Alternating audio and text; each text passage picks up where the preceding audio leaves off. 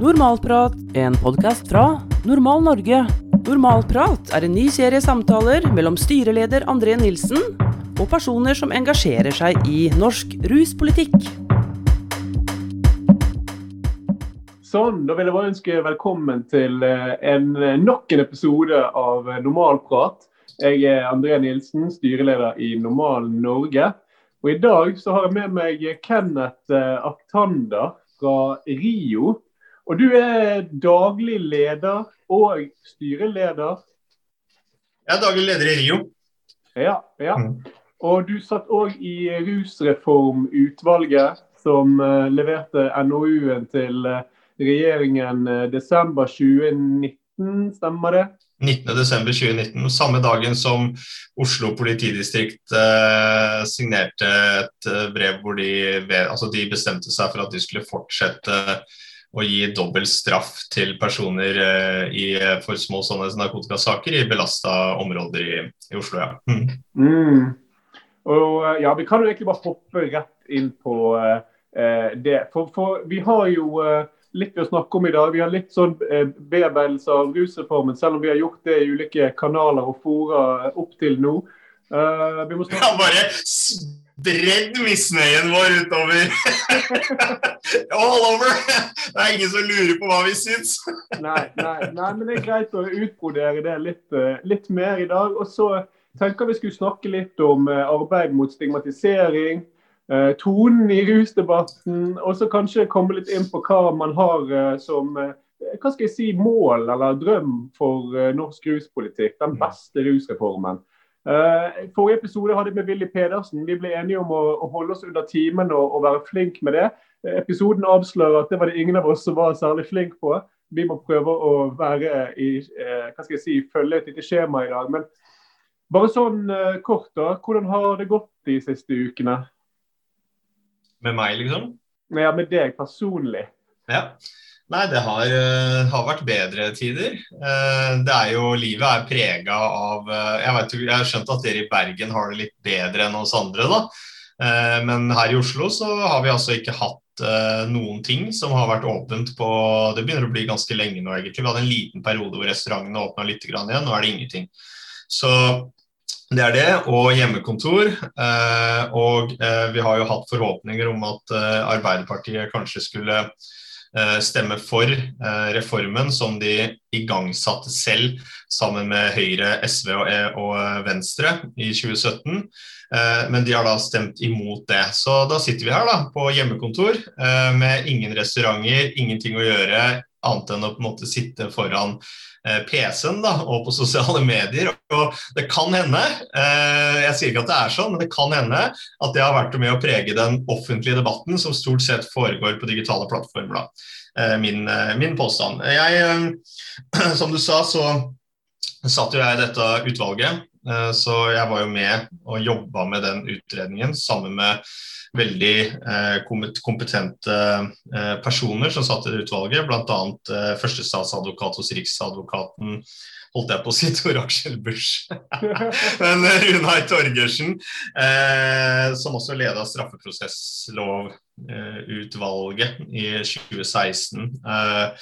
Eh, og eh, har jo via mye tid og energi, eh, både i arbeidstid og på fritid, stor del av livet mitt Eh, de siste åra til å jobbe med da at vi skal få en kunnskapsbasert ruspolitikk som respekterer menneskerettighetene og allment anerkjente rettsstatlige prinsipper, som f.eks. at straff må solid begrunnes og at rettigheter også skal gjelde personer som bruker illegale rusmidler.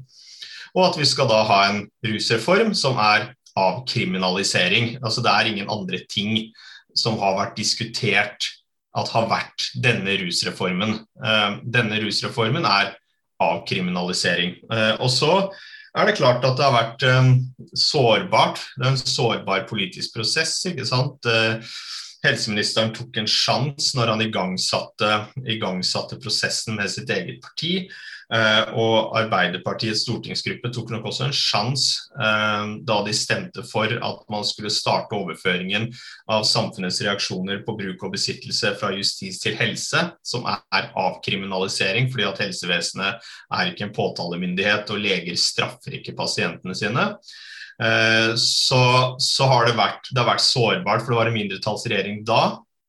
sånn at når de da fikk samla alle de borgerlige partiene, så var jo Erna Solberg kanskje sin store drøm. da, Det er liksom 'be careful what you wish for, you just might get it'-ting. Det var nok ikke bare enkelte eh, å ha både Frp, KrF og Venstre og Høyre under samme tak.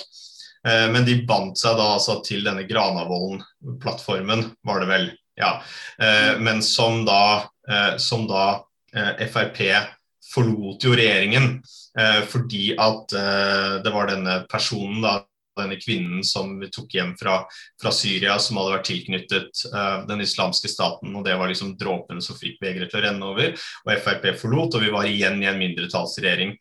Hvor uh, regjeringa da var avhengig av enten Frp eller Arbeiderpartiet. Altså Senterpartiet har jo vært helt på bærtur i det spørsmålet her lenge, sånn at på en måte de er det ingen som hadde regna med. Men man hadde jo kanskje noen forhåpninger, forhåpninger da, om at fornuften ville seire i Fremskrittspartiet eller i Arbeiderpartiet. Og det er klart at det har vært krefter i begge de partiene som har mobilisert og som har forsøkt å jobbe. Eh, men som til syvende og slutt eh, endte med å ikke vinne fram, fordi at den varslede eh, lederen for Fremskrittspartiet kortslutta den demokratiske prosessen i partiet. Jeg mener at gikk mot, hun gikk mot eget partis landsmøtevedtak, egentlig. Så landsstyret har på en måte gjort noe som jeg mener er feil. Og partilederen i Arbeiderpartiet la hele sin vekt bak at man ikke skulle avkriminalisere, men at man fortsatt skulle strafferettslig regulere bruk, besittelse av illegale rusmidler. Sånn at det har vært en, eh, har vært en, eh, en, en viktig kamp. Det har vært et stort svik, mener jeg.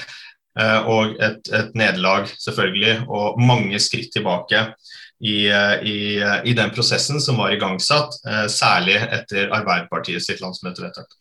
Ja, og hva, hva, skjedde egentlig i løpet av de siste årene? For jeg, jeg, har jo lært det nå at eh, Arbeiderpartiet var blant de partiene som tok initiativ til, liksom, til, til det, politiske, det, politiske, initiativet da, eh, til, til, å liksom flytte reaksjonen fra justis til helse. Var det den gang formulert at det var de rusavhengige som skulle hva skal jeg si, eh, få sin, sine reaksjoner flyttet. Jeg skjønner hva du mener. Jeg skjønner hva du mener. Uh, det er litt ja, både og, egentlig. Uh, jeg tror nok at i Altså, det, det, det, blir ikke riktig å si at det var Arbeiderpartiet sitt initiativ. Jeg vet at på en måte det har de Men de har sagt det, da. Ja, ja. Blant annet Hadia Tajik, Torgeir Micaelsen, Tellef Inge Mørland. ikke sant, har på en måte sagt Det var litt sånn For dette her var det er viktig å huske at altså, Venstre og MDG tror jeg vel er de partiene som på en måte har regnskapet i behold da, når det kommer til å, ha hatt det synspunktet her eh, over tid. Eh, mens av de store, litt større partiene, da, hvis du kan si det sånn, eh, så, var det, eh, så, var det, Høyre. Eh, det var, det, var, Høyre, og det var Bent Høie eh, som gikk inn for dette her i 2016. Eh, jeg husker for jeg var på, på FN-toppmøte eh, i New York i 2016. Eh, og, og, og, jeg, Den gangen så var jeg informasjonsansvarlig i Rio, så jeg var ikke leder. Jeg har vært leder i ca. et år nå. Og, og, jeg hadde en sånn oppfattelse av at her, det her kommer til å snu, og jeg tror det kommer til å snu ganske raskt. Eh, fordi at eh, jeg så den internasjonale utviklingen, og selvfølgelig, ikke sant, kunnskapen taler for dette, prinsippene taler for dette. Det er det eneste riktige, riktige tingen å gjøre. Jeg hadde også strevd med å prøve å få med meg organisasjonen internt eh, på disse tingene her, egentlig siden 2014. da jeg var på sånn studietur sammen med den gang daglig leder i RIO og, og jobba litt med det. Men vi hadde ikke, vi var en ganske umoden organisasjon sånn organisasjonsmessig. Eh, Bl.a. ved at vi ikke hadde medlemmer, vi hadde ikke noe fungerende årsmøter. Det var flere sånne ting, og vi hadde ingen politisk, politisk plattform. Eh, men jeg var ganske, Nå får du en del historie her, da. Eh, men jeg var ganske sånn sikker på at her kommer det til å snu. Eh, og, og vi trenger å komme oss ikke sant? Vi trenger på en måte at de som mener dette i Rio, må på en måte få, få, få klargjort det synspunktet. Og, og, forhåpentligvis er vi flertall sant, i Rio. og så var jeg på FN-toppmøte i New York, og jeg dro på side-eventen som Portugal arrangerte. Eh, sammen med Det internasjonale narkotikakontrollstyret og Verdens helseorganisasjon. Eh, og hvor Internasjonal narkotikakontrollstyre da eh, definerte Portugal-modellen som best practice. Og Portugal avkriminaliserte jo på sin måte da, for ca. 20, 20, år siden. Uh, og der kom det en person inn og deltok på det side-eventet, og det var helseminister Bent Høie. Eh, og Det er ikke sånn veldig vanlig at statsråder deltar på sideseminarer eh, på, eh, på disse, på disse um, internasjonale samlingene i FN. Det det, er, ikke veldig, veldig vanlig. og jeg tenkte liksom OK, nå, nå, kommer det, nå skjer det, liksom. og så var det jo flere av organisasjonene, bl.a. Normal, Rio, Marborg Prolar, FHN, ikke sant? Foreningen Trygge ruspolitikk, flere som gikk sammen om et sånt brev ikke et brev, et åpent brev, kan du si, en kronikk, ikke sant, hvor vi skrev da til den gang justisminister Anders Anundsen fra Fremskrittspartiet om vi ba om vær så snill kan slutte å straffe oss. ikke sant, Det virker ikke, det skader. Eh, og andre land har forsøkt å gjøre dette her, og det ser ut til å ha fungert ganske greit. Please, vær så snill. Eh, fikk aldri noe svar fra han, eh, men det kom et svar fra Bent Høie sant, om at vi hjelp, ikke straff rusbrukere. Og så satt det i gang, ikke sant programprosessen i Høyre. For dette var hans innspill til programkomiteen til mm. landsmøtet som skulle være i 2017. Eh, og, og, jeg husker det fordi jeg, eh, jeg, var jo på, på Morgennytt på radio eh, og på Morgennytt på TV. Og samme dagen så var jeg også i en sånn, et panel sammen med Bent Høie. Eh, og Herregud, jeg husker ikke hva det heter, han der eh, velstående digitaliseringsministeren eller noe sånt når vi har eh, Ja, jeg husker ikke. Eh, I alle fall, vi var i et panel, og hvor vi på en måte snakka da Høyres, Høyres, program, Høyres program, da. Og, og dette er satt i gang en politisk prosess ikke sant, i de ulike partiene, som da fatta sine vedtak på landsmøtene. Arbeiderpartiet sitt vedtak var riktignok Nja, liksom. Det var litt sånn gjøre endringer i noen strafferettslige greier og ikke sant, sånne ting. Men det var veldig klart at bl.a. Eh, altså Hadia Tajik, eh, Torgeir Micaelsen, andre på en måte ga uttrykk for at endelig eh, nå går også Høyre i vår retning. ikke sant? Velkommen etter og ikke sant? nesten litt sånn slå inn åpne dører. og Det var nesten den type, den type attitude. da. Eh, SV hadde sitt vedtak, MDG, Venstre sant? og så var Senterpartiet hadde et vedtak som var jo relativt liksom, i en slags progressiv retning. Uh, men altså, det var, det var um? Ja, det var i hvert fall ikke Kjersti Toppe sitt forslag som vant frem. da. Det var faktisk det var et mer progressivt forslag som vant frem. og det samme hadde vi på Kristelig, Hos Kristelig Folkeparti så hadde vi den samme situasjonen hvor det var en ungdomspolitiker som heter Mats Gaard, som hadde et forslag om at de skulle gå i en mer human retning. ikke sant, og under framlegget at vi skulle se til Portugal, som ble advart mot av Olaug Bollestad. Eh, hvor, hvor, hun da tapte det. altså Bare sånn at det for the history books eh, så var det sånn det skjedde. Og Fremskrittspartiet hadde ikke noe vedtak. Eh, så den høsten, i forbindelse med behandlingen av statsbudsjettet, så innstilte helse- og omsorgskomiteen i en merknad til statsbudsjettet på at man skulle overføre samfunnets ansvar for reaksjoner på bruk og besittelse av illegale rusmidler fra justis til helse. Og Det ble votert over og var et flertall av Høyre, SV, Venstre og Arbeiderpartiet. Og det var det som gjorde, fordi det var en mindretallsregjering, at regjeringen kunne da oppnevne et offentlig utvalg som skulle utrede og forberede denne overføringen fra justis til helse. Som jeg sa, det er avkriminalisering fordi helsevesenet er ikke påtalemyndighet. Leger straffer ikke pasientene sine.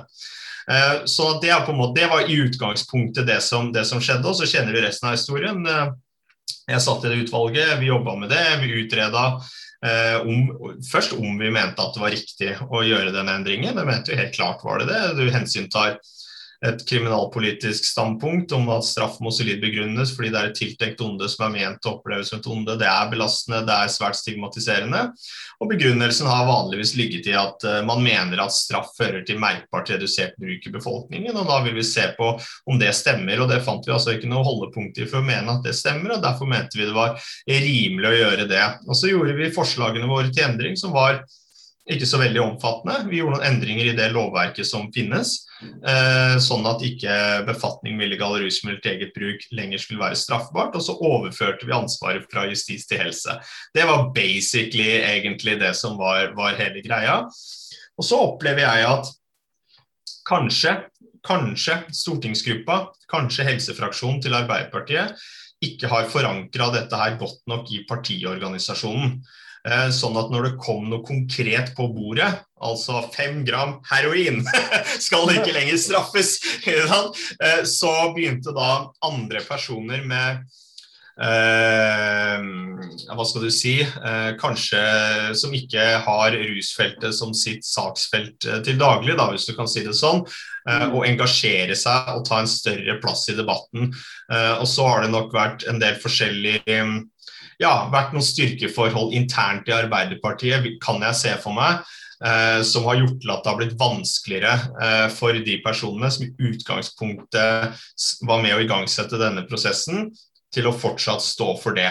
Og så har på en måte de snudd seg i den retningen hvor styrken har ligget i Arbeiderpartiet, som har da ført til eh, en situasjon hvor at Arbeiderpartiet til slutt sa nei til det de i utgangspunktet hadde igangsatt sjøl. Så det er kort min sånn lille oppsummering av uh... var, var, det den korte versjonen, altså? ja. ja. Men jeg dro mange år, da. Det var, jeg tok ja, det fra 2016 og, ja, og frem. Ja. Godt oppsummert. Og, mm. og, og, det var en historietime jeg òg drar nytte av. Uh, det, det, du sier det, det har mange som har meldt seg på i debatten. sant? Det har engasjert veldig mange. Rusreformen har vært en snakkis. Ruspolitikk har vært på dagsorden eh, omtrent i hele i hvert fall i hele 2021. Og, og, og, og tross alt gjennom hva skal jeg si, koronaåret 2020 så, så, så gikk jo debatten parallelt. sant? Og, der mediene fant plass og, tid til å skrive om noe, så var det jo ofte ruspolitikk som fikk, eh, fikk oppmerksomhet. Mm. Så, men så har jo det vært en, en hva skal jeg si ja, NOU-en har ligget på bordet en stund.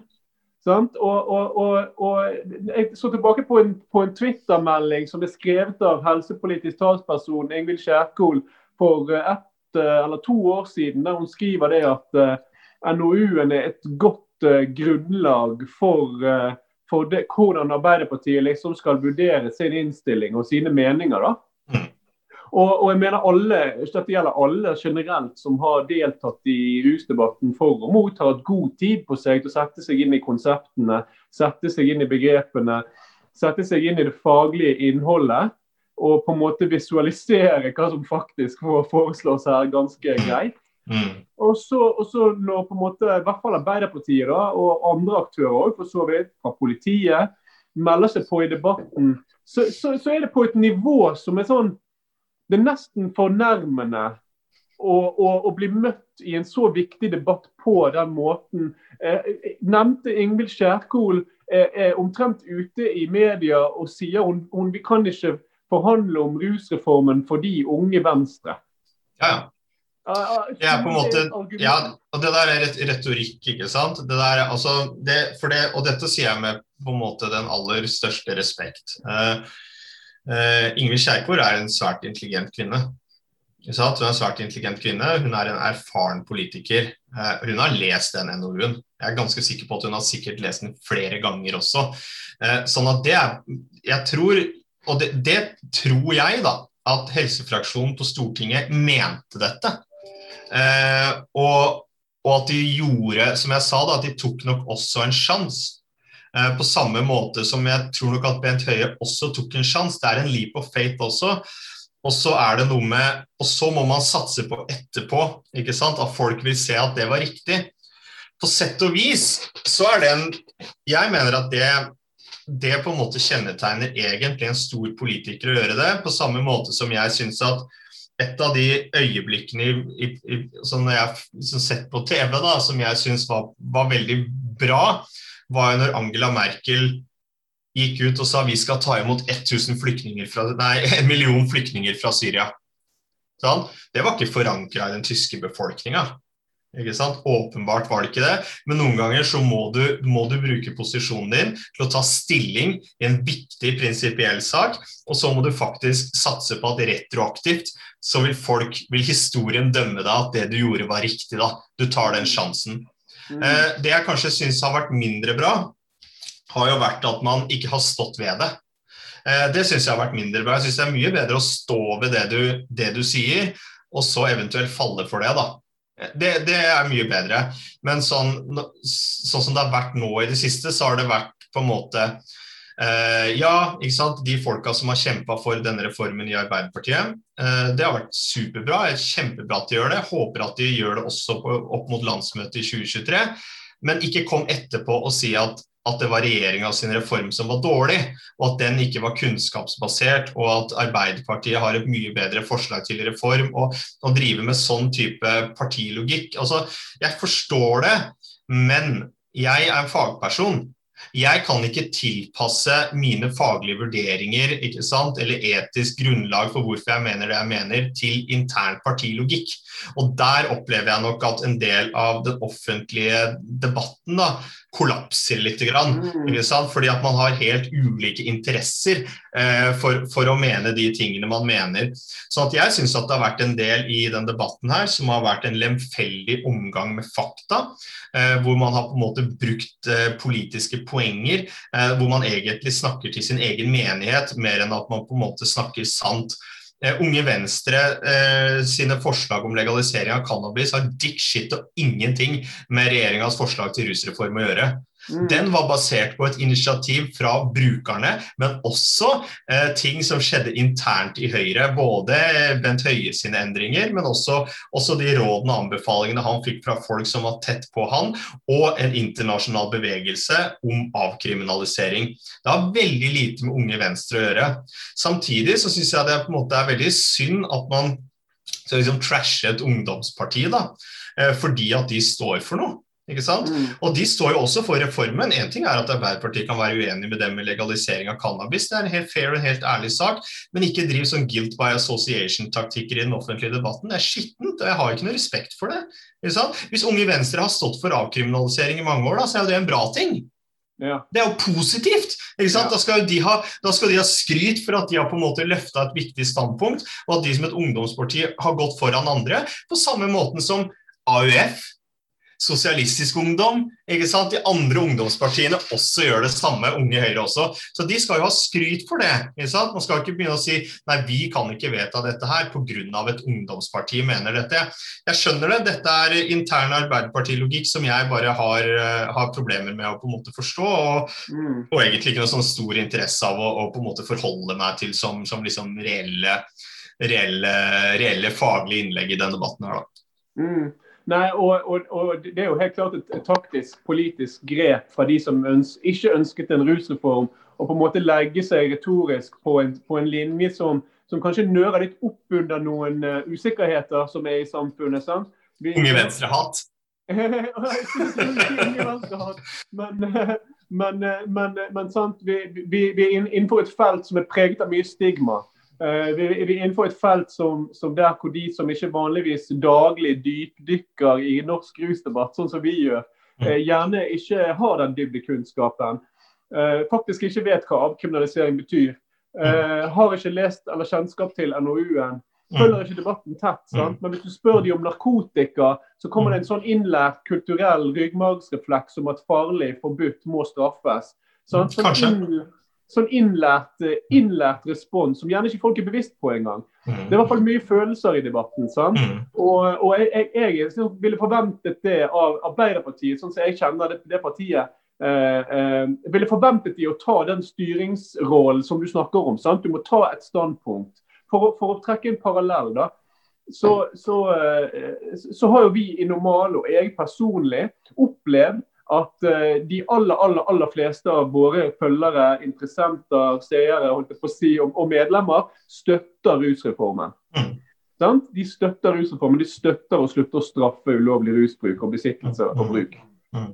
Samtidig så er det noen få som har, som har gitt uttrykk for, både personlig og, og, og, også gjennom utmelding, for å demonstrere at, at, at de mener at vårt fokus har blitt for, for overfokusert på eh, regjeringens rusreform, og for lite på kampen for å regulere cannabis Uh, og Det finnes ulike grunner til det. De mener at vår jobb er å snakke om legalisering, punktum. Og så mm. mener de også, så er det noen få, veldig få, men de lar seg høre. Sant? Det er gjerne sånn Du hører fra de som er veldig fornøyd, og de som er veldig misfornøyd. Sånn er det i alle sammenhenger. Mm. Og, og De har gitt uttrykk for at de kanskje ikke mener det at alle, alle rusmidler burde avkriminaliseres. Sant? Og noen er såpass farlig at, de, at det kanskje burde vært straffbart. Og Da har jeg alltid tatt den rollen med å snakke med de personlig Mm. Og forklare dem at dette med stigma det, det, er ikke bare noe cannabisbrukere opplever. Mm. mm. Og, og, at man bekjemper ikke den stigmatiseringen som cannabisbrukere blir møtt med ved, ved å opprettholde en, en, stigmatisering som andre brukere blir møtt med. Mm. Og så prøve å ta den debatten og ta samtalen internt.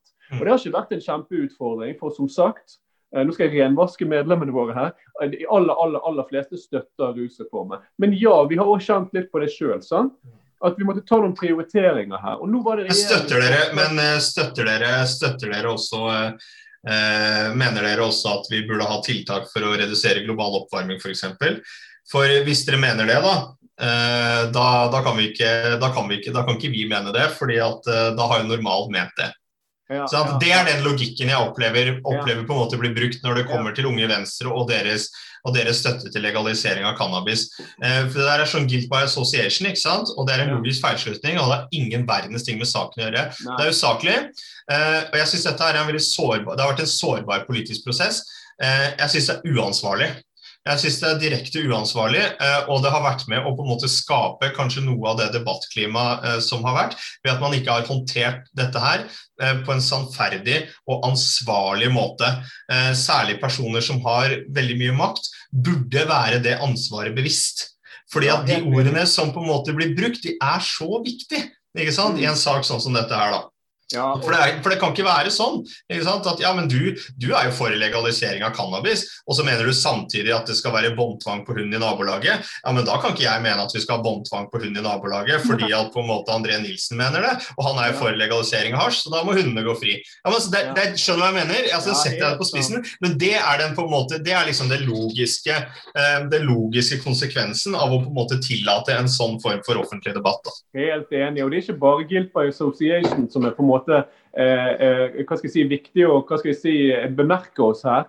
For Vi kan godt gå inn på hvorfor tonen i debatten er, er, er litt krass, og hvorfor noen mister tålmodighet. For jeg, jeg, tror faktisk at du har helt rett, Kenneth, når du sier det at i hvert fall de hva skal jeg si, eh, mest sentrale politikerne som jobber innenfor helsepolitikken til de ulike partiene, er kjent med innholdet i NOU-en. Jeg kjenner fakta og kunnskap. Og Det tror jeg veldig mange i politiet òg gjør. Og det tror jeg veldig mange som, som deltar ellers i, i, den offentlige debatten med ganske krasse motmeninger, er kjent med hva faktagrunnlag vi sitter mm. på i dag. Mm. sant? Mm. Men så har du liksom, så har du, så har du allikevel uttalelser da, som man legger seg på som eh, avkriminalisering eller legalisering. Hva er den egentlige forskjellen? Mm. sant? Eh, misbruk, altså, misbruk av ordet legalisering holdt jeg på å si, i, i sammenhenger der, der eh, det handler om avkriminalisering. Og, og Senest i går, da, riktignok eh, fra et lokallag i Arbeiderpartiet, men det er liksom symptomatisk for debatten, så delte du eh, Var det Mona Nilsen hun heter, fra Nordland Arbeiderparti? Som, stortings, stortingskandidat og leder av ja, gruppa eller et eller annet sånt. Ja. ja. Mm, mm. Hun, hun skriver flere aviser at hun er kjempeglad for at, eh, for at forslaget til regjeringen ikke fikk flertall. For da skulle det bli lovlig å bruke, eh, ha for, for, for, å forhindre at elever kunne ha med seg GHB og heroin og amfetamin i klasserommet uten, uten risiko. For straff, ja. Mm. ja. Ja, ja, ja. Og det er, liksom, det er liksom nivået man legger seg på. Fordi at Rusreformen foreslo å endre skolereglementet om hva man kan ha med seg Ja, ja. Men jeg, jeg, er litt sånn der, skal jeg være litt djevelsk altså Skal jeg på en måte være, skal, skal jeg fikse på tonen i debatten akkurat her, da? fordi at jeg mener jo at eh, sånn rent liksom juridisk teknisk, da, så tar hun ikke feil. Fordi at Ved en avkriminalisering så vil befatning med illegale rusmidler til eget bruk ikke være straffbart. Uavhengig av sted og tid og, og osv. Men det hun gjør, er jo at hun på en måte hun tegner et bilde. Hun tegner et bilde hvor hun tar et slags ytterpunkt, uh, og så sier hun at det ikke lenger vil være straffbart å ha det i klasserommene i alle fylkene. Uh, Implisitt så mener hun det at fylkenes klasserom vil bli fylt opp av heroin, GHB og kokain.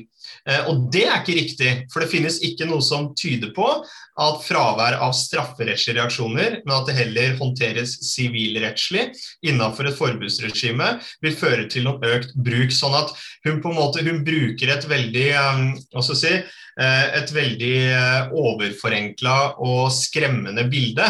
Eh, samtidig eh, så tar hun ikke feil, tror jeg, eh, når det kommer til det juridiske. Bare sånn, bare sånn at, at, det er sagt. Det er litt viktig at vi også har den disiplinen på vår side. Og så var det en helt fjern uttalelse, det er jeg helt enig i, men sånn juridisk sett så tror jeg ikke hun hadde feil. da. Jeg, jeg, jeg, tror likevel, jeg, tror likevel, skoler har all sin rett til å sanksjonere mot elever som bryter skolereglement. Så. Ja, ja, men ikke strafferettslig.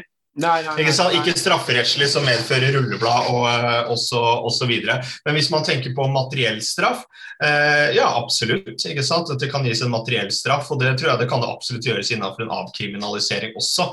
Eh, at du får en sanksjon. Du, det kan gis ulike sivilrettslige sanksjoner. Jeg er ganske sikker på at ved en stortingsbehandling av lovforslaget som kom fra regjeringa, eh, så kan det godt hende at eh, særlig Arbeiderpartiet eller Fremskrittspartiet ville ha klistra på noen ulike typer sivilrettslige sanksjoner eh, hvis de skulle gå med på at det, det skulle, gå, skulle, gå, gjennom også, som vil oppfattes av individer som straff. fordi at rent materielt sett så er det straff, men formelt sett så er det ikke det. fordi det er ikke regulert strafferettslig. Det gir ikke, det gir ikke rulleblad og sånne ting.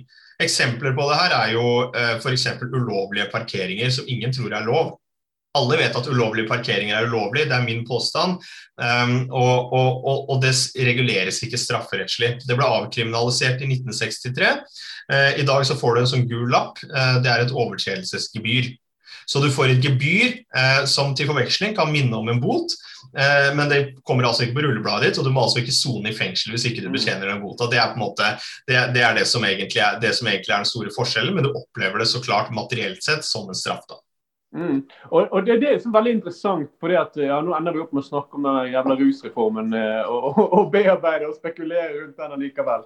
Eh, men, men det er jo litt sånn spesielt, da, fordi at ja, regjeringens forslag var det den var. sant? Og den var vel kanskje det jeg vil kalle for en hva skal jeg si, en liten innskrenking, eh, litt mer konservativ versjon av den NOU-en foreslo. Sant? Som også var ganske konservativ. som sånn, også var ganske konservativ. Sant? Hvis, hvis du regner det å, det å, måtte møte et sted, eh, f.eks. For eh, fordi at du har blitt tatt for eh, befatning med, med illegale rusmidler, eh, som hva skal jeg si, konservativt. Mm. Eh, så, og det vil jo mange mene, meg selv inkludert. Og, og så kunne Arbeiderpartiet og for så vidt Frp òg. Hvis, hvis, hvis, de var så forbanna tilhengere av den straffen, men mm. allikevel ville hjelpe, så kunne jo de foreslått sivilrettslige gebyr. Ikke at jeg ville, ville støttet det overhodet, men det ville jo nesten ivaretatt hva skal jeg si, status quo ja. med, med, en slags myk eh, landingspute for de som faller hardest, kan du si. Mm. Mm. Og så Istedenfor så kommer med et forslag som skulle liksom eh, separere og, og, og definere brukergrupper Uh, og, og, og, hvis du var tungt og vedvarende rusavhengig over tid, så skulle du da slippe straff. Og det er jo veldig sånn, uh, fordi at Her prøver man å, å, komme med et forslag til en rusreform som i utgangspunktet skal bekjempe stigmatisering. Og så klarer man om mulig å koke opp et alternativ som er mer stigmatiserende enn det vi har i dag. Mm. Fordi at For å få liksom eh, straffrihet eller påtaleunnlatelse eller hva det skulle være, så, så, skal man likestille rusavhengige, da, eller en håndfull utvalgte rusavhengige, med barn og utilregnelige. Mm. Jeg kan godt si noe om det. Ja, gjør gjerne det. Jf. tonen i debatten. uh, nei, jeg, jeg, registrerte jo uh, Jeg så jo en Det var jo en VG-kronikk. Um, jeg tror du sikkert ikke vil at jeg skal prate om det, men uh, som jeg har sagt til deg før, da, min tanke er fri, og jeg gjør som jeg vil og sier som jeg vil. Men det var i hvert fall en kronikk um, Eh, som var retta litt mot tone i debatten, og kanskje en del av de krasseste uttalelsene som har kommet mot Arbeiderpartiet sitt landsmøtevedtak fra Ari Knutsen fra Foreningen for human narkotikapolitikk og Pernille Huseby, eh, hvor, man, eh, hvor de mener at, at altså, Sånn jeg forstår det, da, at at Arbeiderpartiets landsmøtevedtak var et skritt i riktig retning. Jeg mener at det ikke var det. Jeg, jeg, altså jeg er fundamentalt uenig i det. Eh, jeg mener at Arbeiderpartiets landsmøtevedtak var et skritt i feil retning. Av to årsaker. Det ene fordi at det var Arbeiderpartiet som på Stortinget stemte for at vi skulle starte arbeidet med reformen. Det hadde ikke vært noen utvalg, det hadde ikke vært noen NOU, det hadde ikke vært noe lovforslag hvis ikke det var for det vedtaket. Sånn at når de da på sitt landsmøte i tolvte time stemmer imot eh, den reformen, eh, så er det et altså Objektivt sett så er det et skritt tilbake. og det samme, men så er på en måte da altså si, eh, unnamanøveren da, ikke sant, som flertallet i redaksjonskomiteen eh, kanskje forsøkte seg på. Jeg tror nok at de, de, tenkte som så at de ser at det må endringer til her. ikke sant, At alt er ikke, alt er ikke bra. Eh, men så vil vi ikke avkriminalisere. Og så har vi ikke så veldig mye tid. Vi har ikke kanskje så veldig mange fagmiljøer som er tett innpå oss. Så vi kommer med et eller annet forslag til en sånn differensiert reaksjonsmodell, som er aktiv sitt begrep, bare sånn at, bare sånn at, det, er, at det, er, sagt. Da. Og så bygger de da på noen uttalelser som har kommet fra den tidligere Riksadvokaten, som også er et æresmedlem i Norsk Narkotikapolitiforening, og sitter som mm. øverste ansvarlig for den politipraksisen eh, som nå blir rulla opp, hvor de har ulovlig brukt sin tvangsmiddelbruk. Eh, så at det er nok litt sånn en historisk på en måte greie, og kanskje hvorfor vi har litt av den diskusjonen nå, uten at jeg skal på en måte psykologisere eller måte legger noen intensjoner til, til hans engasjement nå som han oh. svinger seg i manesjen. Tor Aksel Busha. Ja, ja, ja, eh, men i alle fall så er det da et unntak fra legemiddelloven, eh, som Senterpartiet også eh, har på en måte prata om. da. Et unntak fra legemiddelloven for personer som er rusavhengige. Eh, og så har eh, da eh, Arbeiderpartiet skrenka inn dette ytterligere, så at det skal være et unntak fra loven, men for at det skal være mulig å håndtere da, eller forvalte, ikke sant? så har de da definert det for tungt rusavhengig, eh, som da trenger hjelp og ikke straff. Eh, og så eh, har det vært Jeg vet at i det forslaget fra Tor Aksel Busch så, så, har han ment at det, politiet skal gjøre en sånn personundersøkelse og vil der kunne avdekke om personen er rusavhengig, ikke sant? om det da skal videre strafferettslig forfølges eller ikke. da. Hvordan?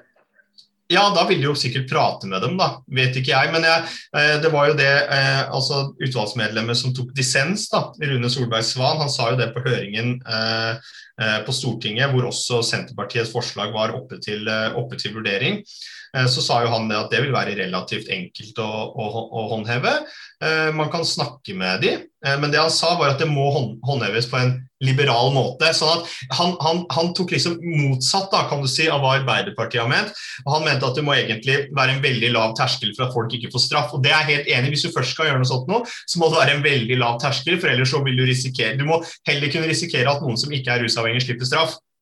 Eh, enn at, du på en måte, enn at det fungerer alle andre, an, andre veien. da.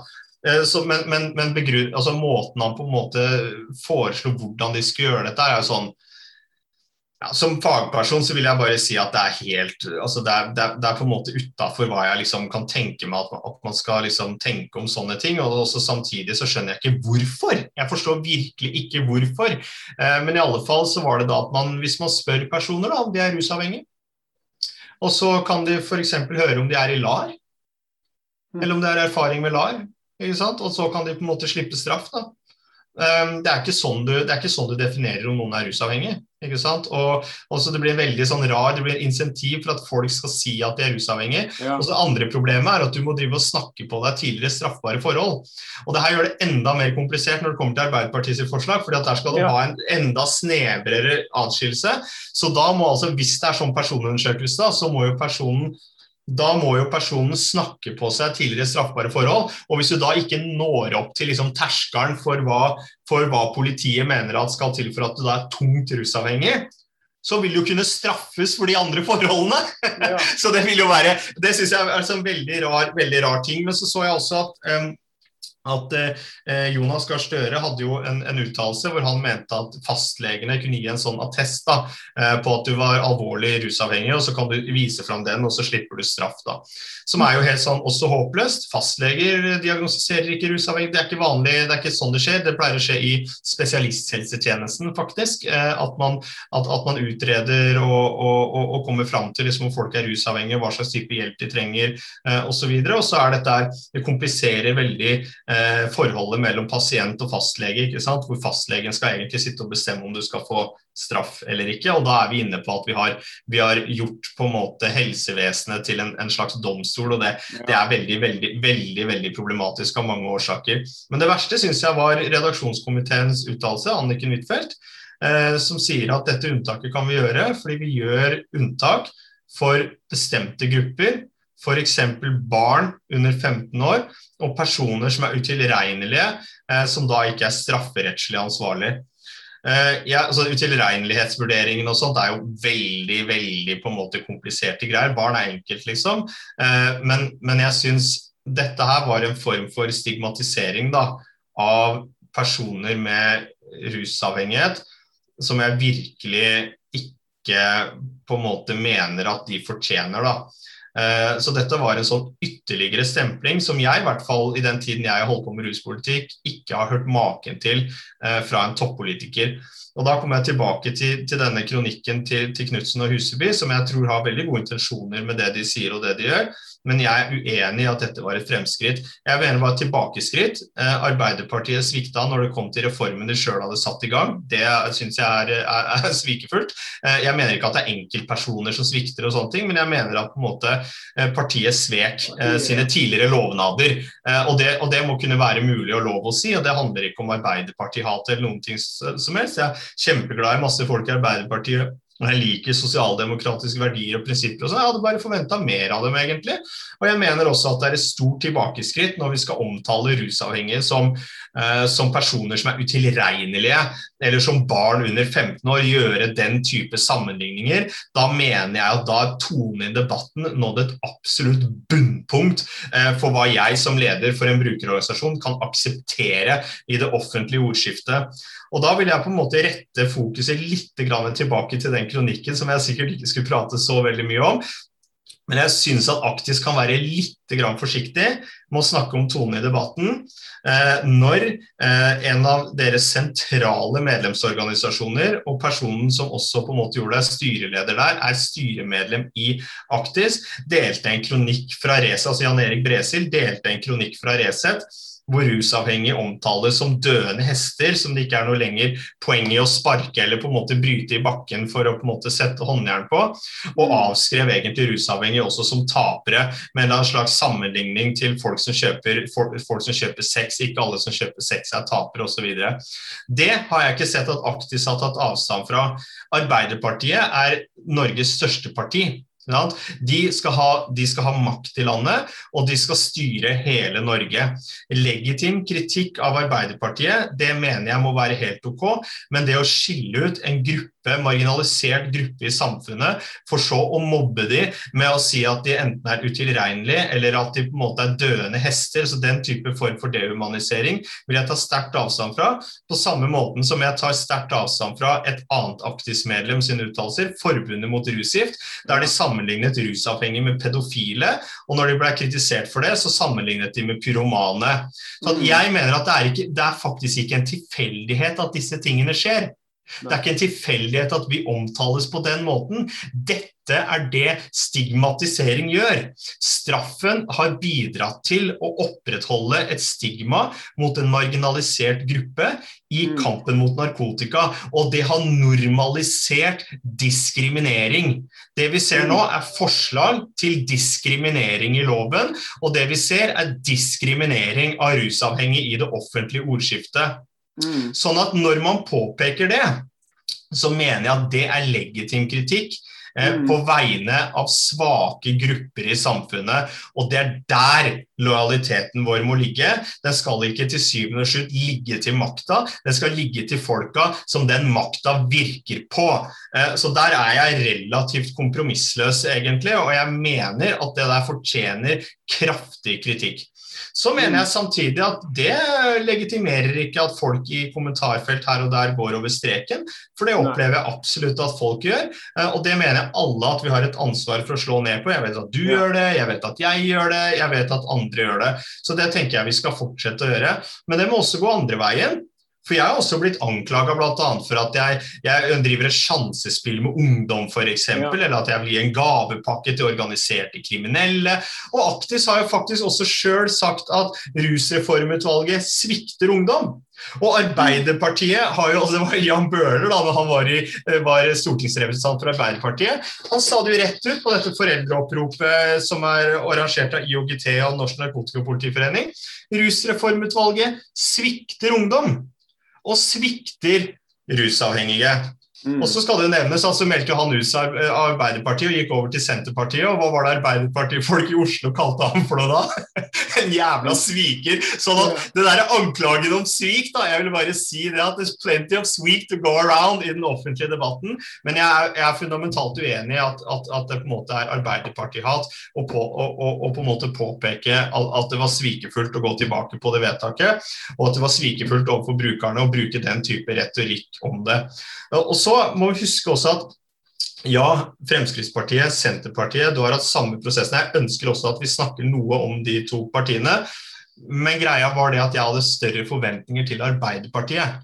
Sånn at det må man egentlig se på som at, at man forventa mer av de. Det betyr bare at man mener at de har en høyere standard i det spørsmålet her. Det er det Ja. det egentlig betyr. Ja. Fordi at Hvis vi hadde syntes at det hadde vært greit, det syns jeg faktisk hadde vært respektløst. Jeg liker at hvis jeg gjør noe gærent, de folka som sier fra til meg, det tenker jeg er de som forventer mer av meg, eh, og de har respekt for meg.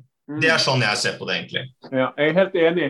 Jeg er helt enig. Og så, er, er det liksom sånn Ja, du kan si det at modellen til Arbeiderpartiet i seg selv eh, var stigmatiserende, og, og begreper som ble brukt som utilregnelig og barn. Og, og, og nå skal vi hjelpe de som fortjener å få hjelp, som Jonas Gahr Støre sa. sant? Det, dette er jo ord som, som ingen mistenker liksom for å, som å si med ondskap i, Ja. som underliggende tone. Men det er utrolig skuffende. Og så, så må jo også si det at eh, Men det er diskursen. Det, er, det er noe, vi må også huske at dette er på en måte, dette er ideologi. ikke sant? Det, Ja. Disse tingene skjer altså det skjer fordi at man ikke er så godt satt inn i saksgrunnlaget. Ja. Ikke sant? Og, og da er man på en måte, man uttrykker bare, som du sjøl sier, da, kulturen sånn som den er. Ikke sant? Det er den ærlige på en måte uttrykket for kulturen. så Det er også viktig at vi ikke liksom pinpointer det på at eh, det er din skyld at det er sånn her. Grunnen til at det har blitt sånn her, har jo historiske årsaker. Ikke sant? Men, men vi må kunne påpeke det når det skjer. Ja, og, og, og, og, det er liksom poenget her òg. Og så har jo vi veldig mange allierte i Arbeiderpartiet som jobbet knallhardt, sant? spesielt fra Bergen og Oslo. Eh, representanter og, og, og flere andre som virkelig virkelig er for rusreformen og kommer til å Mm. fortsette å ta kampen internt i partiet. Mm. Og så, og, og så er det jo litt sånn det at eh, bare det å, eh, det å skulle tviholde på straff sant? Straff stigmatiserer fordi at straff i seg selv er stigmatiserende. sant? Men, men jeg mener det er ganske stigmatiserende òg det å på en måte skulle eh, eh, implisitt si at nei, du, vi har ikke tillit til at hvis vi slutter å straffe deg, og heller kun tilbyr deg hjelpende ressurser, at du vil dra nytte av dem, og at, at, at, at du vil på en måte gjøre endringer på egen hånd. Mm. Eh, Det i seg selv er jo ganske nedlatende og stigmatiserende. ikke sant? Mm. Og, og så litt tilbake til det, det jeg har sagt tidligere. og jeg har alltid hatt sansen for Arbeiderpartiet sin måte å se eh, kunnskapsgrunnlaget i ulike debatter. Og jeg syns de har vært gode på å lande på en såkalt gyllen middelvei i mange viktige spørsmål. Noen ganger er, så har de lagt seg mer til venstre, som jeg har satt pris på. Noen ganger er de mer nyansert på midten. sant? Mm. Men, men jeg hadde virkelig forventet, og jeg skal ikke gjøre det til en personlig greie, selv om det delvis også er personlig for meg, Mm. at uh, når, når man kommer med historier om hvordan straff har påvirket, Mm. Ikke bare faktagrunnlaget, ikke bare mm. kunnskapen om straffspreventiv effekt og stigmatiserende og skadeeffekter, mm. men mm. faktiske eksempler på dette. Så tenkte jeg at av, av alle partiene i Norge, så er, det, så er, det, Arbeiderpartiet som vil lytte til disse. Så gikk det opp for meg i går, i går kveld da, at når jeg ble straffet for ulovlig for besittelse av cannabis, mm. og, og, hevet på glattcelle og, og gitt forelegg, Mm. Så var jeg eh, to-tre måneder inn i formell behandlingsløp. Mm. Og hadde vært rusavhengig i noen år. Mm. Og så lurte jeg liksom på hvor mange ganger ville Jonas straffet meg mm. før han skulle gi meg en hjelpende hånd. Mm. At hvor mange ganger skal personer som, som er et eller annet sted i liksom spekteret, bli møtt med den harde knytteneven før, før den knytteneven blir om til en utstrekt hånd? Sant? Dette er jo virkeligheten. for Det snakkes liksom som om, som om dagens rusavhengige ble født som vedvarende rusavhengige over tid. Og de var med hjelper. Først var de barn under 15 år, og så ble de utilregnelige når ja. de gikk over 15. ja. ja. Sånn, det, og, og, og, det er derfor vi, derfor vi reagerer. Det er derfor tonen er litt krass òg. For vi føler at det er veldig mange viktige momenter og nyanser som bare blir tilsidesatt mm. og ofret for litt sånn billig retorikk. da som skal på en måte skåre politiske poenger. Mm, mm. Og som du sier, Vår skuffelse mot Arbeiderpartiet handler ikke om at vi mener Arbeiderpartiet har skyld i all stigmatisering, at de har skyld i at rusreformen ikke, ikke får flertall, men vi hadde høyere forventninger. Rett og slett fordi vi, har, ja. fordi vi setter Arbeiderpartiet høyt generelt. Ja. Og så er det noe med at det er en veldig privilegert posisjon å på en måte å klage over tonen i en debatt. Eh, fordi at det er ikke debatten som er problemet her. Altså Selvfølgelig det er problematiske sider ved offentlige debatter. Åpenbart. Problemet her, det som er hardt, det er straffen. Straffen som på en måte de nå vedtok at skal på en måte utøves mot sånne som oss, andre, det er det som er hardt. Mm. Og det som oppleves hardt, er på, en måte, på en måte alle de som har fortalt fortellinger eh, om hvordan politiet har sant, kledd de nakne, eh, inspisert kjønnsorganene deres, kasta de på glattcella, endevendt gutte- og jenterom, ransaka mobil, data osv. Og, og så viser det seg at det var ikke lov. Det som er hardt, det er jo at politiet har systematisk brutt loven overfor rusbrukere i alle år. Og at det er det argumentet, nemlig at de skal fortsatt kunne gjøre det, at de skal ha adgang til disse straffeprosessuelle tvangsmidlene som de på en måte har tatt seg, tatt seg rettigheten til å bruke, det er det som er begrunnelsen til Tor Aksel Busch for hvorfor man ikke skal avkriminalisere.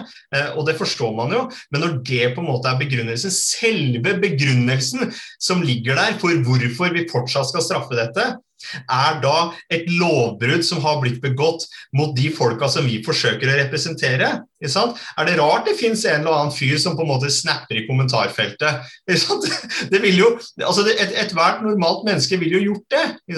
Så, det mener, så klart, vi skal på en måte, Alle de som på en måte blir sinte, de må lære seg å formulere seg på en måte som ikke går til personangrep. Eh, de må lære seg å formulere seg på en måte som, som på en måte ikke går over streken. Eh, og Det mener jeg gjelder også for de som på en måte reagerer svært kraftig på forslag om avkriminalisering. De må heller ikke omtale rusavhengige som pedofile, pyromaner, døende hester eh, osv. osv. Men vi må altså, hvis vi skal komme til bunns i dette her, så må vi altså avkriminalisere. Og jeg, Det eneste logiske nå, særlig etter Riksadvokaten sin klargjøring, at nemlig disse, bruken av disse tvangsmidlene, det er faktisk ikke lov. Fordi at Det Arbeiderpartiet har prestert å gjøre nå, det er jo de facto å legalisere bruk. Så jeg vil bare si noen ord om det. og Det er jo ikke Arbeiderpartiet alene. Senterpartiet og Fremskrittspartiet er jo dyktige kompanjonger. og Hvis Kristelig Folkeparti hadde fått, fått, det som de, hadde fått lov å stemme sånn som de ville, så hadde de åpenbart også stemt for det samme. Så det her er man jo i, i god kompaniskap. Men i alle fall, nå som politiet ikke lenger har eh, anledning da, til å på en måte mobilransake, dataransake, kikke ned i undertøy osv. i små ta brukersaker ja, ta blodprøver, urinprøver, ikke sant, sånne ting i brukersaker. Ja, så betyr det, Hvor lang tid tror du det tar liksom, før kids finner ut at ja, men da bare har jeg drugs i bokseren? da. Og så Hvis de sier at de vil ta en blodprøve, så sier jeg nei. For det er min rettighet, det er i strid med EMK, liksom, og det er ikke forholdsmessig osv. Og, så og det kan heller ikke på en måte etterforske meg for ting jeg ikke er sikta for. Sant? Ja, da er det ferdig, da. Da er det over. ikke sant? Den vingeklippinga som politiet har på en måte klaga om at kom til å skje hvis de avkriminaliserte, den har allerede skjedd. Så det eneste som kan gjøre at politiet faktisk kan avdekke bruk besittelse, mener jeg etter den klargjøringa fra Riksadvokaten, er jo at du avkriminaliserer.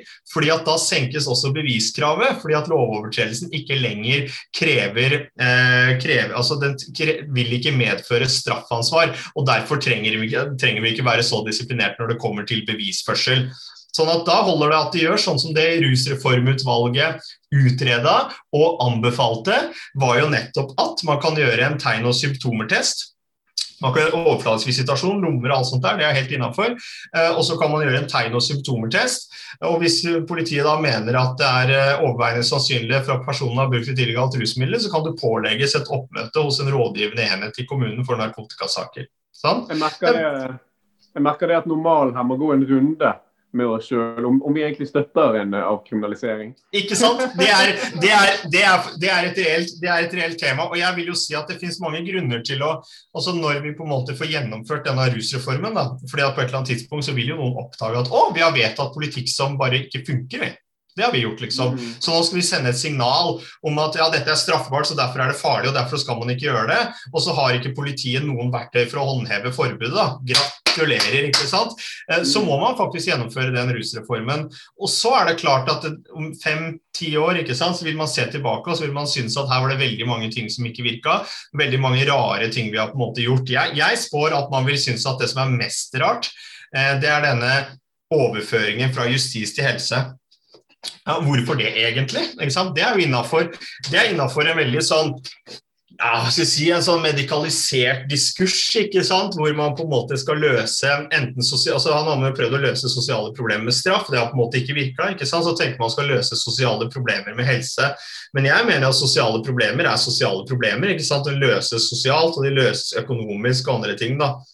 Man kunne sett for seg f.eks. at avkriminaliseringen besto i å slette første setningen før komma i legemiddelloven, bruk besittelse, bort, ikke lenger straffbart, og fjerna det nye tredjeleddet i straffeloven om at oppbevaring inntil nærmere bestemte terskelverdier og kjøp var ikke lenger straffbart, og ferdig med det.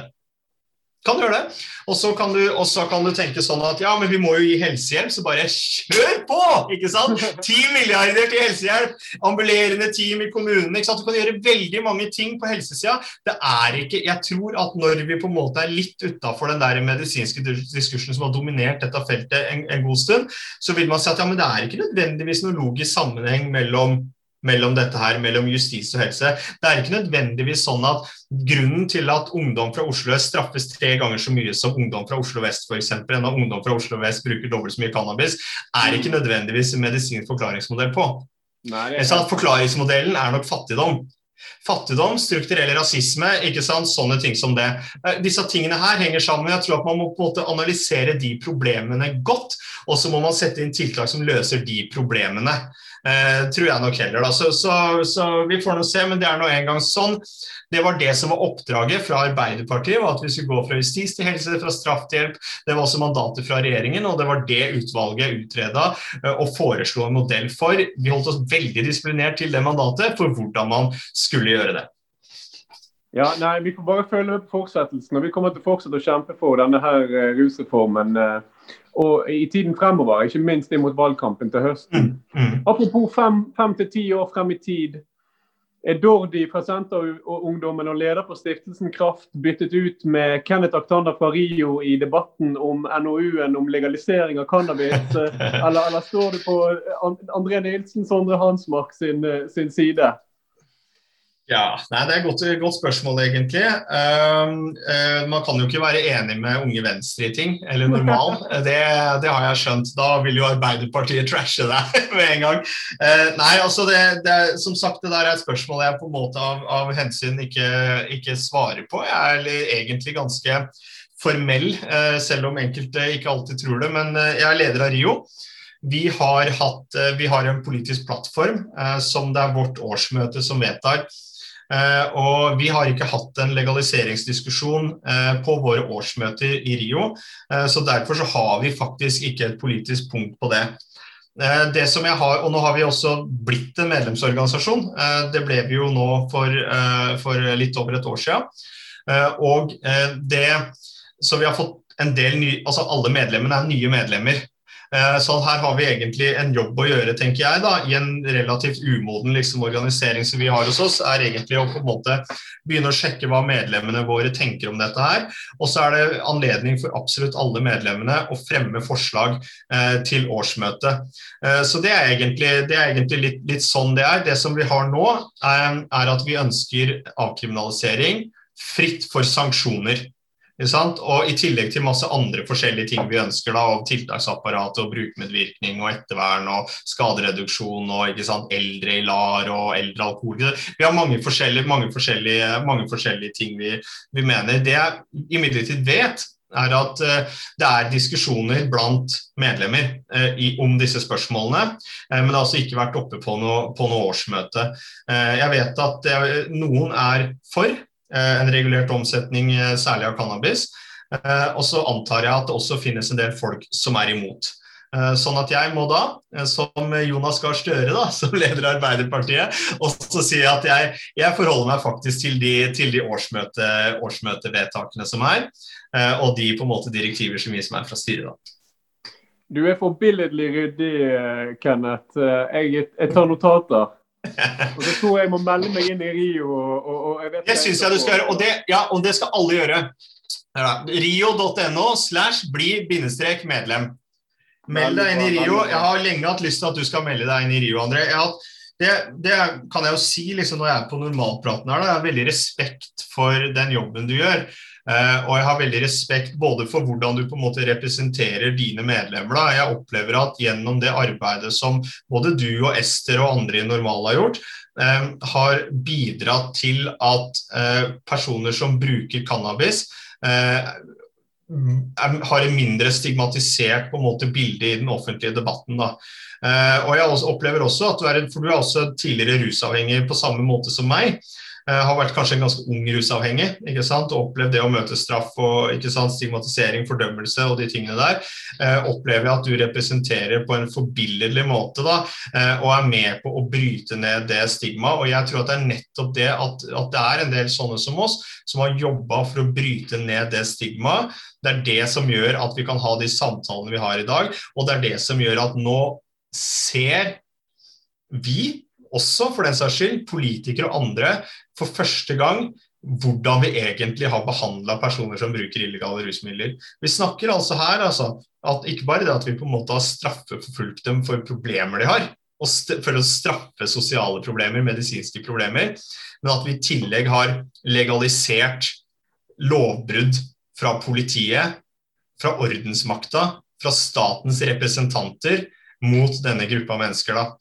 Det er ganske alvorlig, egentlig. Se for deg da, at politiet skulle på en måte kunne ta alle som hadde en eller annen funksjonshemming, og skulle kunne ransake rommet deres hjemme hos dem, plassere dem på glattcelle når de er syke uten medisinsk tilstand f.eks., eh, kle de nakne, inspisere dem i kroppens hulrom osv. Det har vært helt utenkelig, vet du. Mm. Helt utenkelig. Men, det, men Sånn er det vi har behandla de, ikke sant? Sånn er det vi har blitt behandla. Omsider så på en måte kommer dette her fram. da. Og Jeg håper virkelig Jeg har registrert nå at Politidirektoratet sier at ikke de har eh, loggført noen ting, tydeligvis, og kan ikke si noe om hvor mye de på en måte har, har brutt loven i små narkotikasaker man kan vel gjøre noen konservative estimater, liksom, men jeg regner med at det er ekstremt mange tusen tilfeller eh, hvor dette her har skjedd. Sånn at vi snakker her om en systematisk maktmisbruk fra staten mot og det er hovedsakelig marginaliserte personer som havner i, i søkelyset til politiet. Eh, så dette er kjempealvorlig, eh, og jeg mener at den opprullinga her den kommer til å skje. Den må skje. Eh, det er ikke mulig å putte liksom, tannkremet tilbake på tannkremtuben etter det vi har vært igjennom nå. Og rusreformen er den eneste logiske konklusjonen på den prosessen her. Sånn at jeg vil takke for følget så langt, og, og vi fortsetter kampen. Alle som hører på, kan gå inn på demo. Eh, stans stigmatiseringen, rusreform for alle. Eh, det arrangementet der skal vi ha på, foran Stortinget 2.6 eh, mellom klokka seks og sju. Og det vil også dukke opp arrangementer for demoer i andre byer. da. Så og Meld deg gjerne inn i støttegruppa for rusreformen. Det heter Hjelp, ikke straff. støttegruppe for rusreformen. Jeg telte i går, så var det 24 100 medlemmer eller noe sånt. Mm. der. Fortsatt så er det sånn at Høyre de ønsker avkriminalisering, og de går inn i valgkampen med dette. Venstre går inn i valgkampen på rusreformen. Sosialistisk Venstreparti går inn i valgkampen på rusreformen. Jeg går ut ifra at MDG og Rødt kommer til å gjøre det samme.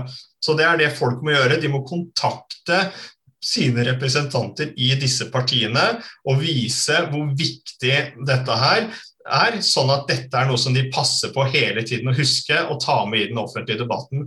Så tror jeg at argumentene til Senterpartiet, Fremskrittspartiet og Arbeiderpartiet vil bare dø ut. Ja. Fordi at Jeg mm. opplever egentlig ikke at de har noen solid begrunnelse for hvorfor de mener at man skal straffe disse gruppene. Og løsningene deres for hvordan de da skal slippe straff med marginale grupper, fører til økt stigmatisering og vil fortsatt på en måte bidra til det samme. Samtidig som de totalt på en måte ikke har fått med seg at politiet ikke har anledning til å avdekke lenger. Med mm. mindre vi avkriminaliserer. Ja. Og jeg vil bare si også, tusen takk, Kenneth, for fine ord. og Du vet det at du for meg er en uh, irriterende storebror, en mentor, en jeg ser opp til og blir motivert av å jobbe med, og ser på hvordan du jobber. Du har en måte å presentere deg sjøl og saken på som er beundringsverdig, virkelig. Uh, og, det kan det, man på en måte ikke føler jeg understreke nok. Og så var det en som sa til meg, som kontaktet meg, en tidligere politimann faktisk, som sa han hadde sett oss på TV. og Så sa han det ok, jeg tenkte delvis så er det litt sånn stigma. og Når han sier det at når jeg ser på deg og Kenneth, så ser jeg ikke to brukere. Sant? Men surprise-brukere kommer i alle ulike former. Mm. Og, men, men, men, jeg ser to rettighetsforkjempere. Mm. Og, og, og, det er jo på en måte et innpakket kompliment da, på, at, på at vi eh, begge da får eh, blir, på en måte sett på som to som løfter hva skal si, brukeres rettigheter på, på en god måte. og det det, sånt motiverer å høre, selv om det ikke alltid er like lett å ta inn over seg når man eh, blir fortalt disse tingene. Mm. Men, men, uansett, tusen takk for tiden din i dag. Uh, vi må kjøre en prat igjen, og vi skal streame videre. Vi på brukerrommet vårt skal jo rulle og gå videre. Et, lavter, et lavterskel debattilbud for de som interesserer seg for ruspolitikk og rusdebatt. Og nå er det terapi for, terapi for Arbeiderpartiets svik, ja, ja, og hvordan det føles for oss. ja, ja, kognitiv samtaleterapi. Ja, ja, Vi må faktisk invitere, vi må invitere flere representanter fra Arbeiderpartiet inn i det, det terapirommet. For jeg tror vi kommer til å trenge det sammen. Det er den eneste måten vi kan komme videre ut av det traumet her som de påførte oss, er faktisk, er faktisk forsoning. Men den forsoninga den må skje på et, et realistisk og et sannferdig rettferdig grunnlag. Ja. Hvor på en måte også, også, eh, Arbeiderpartiet forstår hvilken makt de har, eh, hvilken styrke de har overfor oss, og hvordan det styrkeforholdet er mellom Arbeiderpartiet og små brukerorganisasjoner som de vi leder. De vi leder. Ja. For å si det sånn, vi glemmer aldri, men vi kan tilgi. Ja, ja, vi tilgir. Jeg er allerede, allerede, tilgitt, det er allerede tilgitt fra min side. Jeg, jeg er kjapp på tilgivelse, altså, så det, det, er helt greit. Men jeg har, jeg har klare forventninger og krav. Helt enig. Du, ha en riktig god dag videre. I like måte. Ha det, André. Du har hørt på Normalprat. En ny serie samtaler mellom André Nilsen og personer som engasjerer seg i norsk ruspolitikk.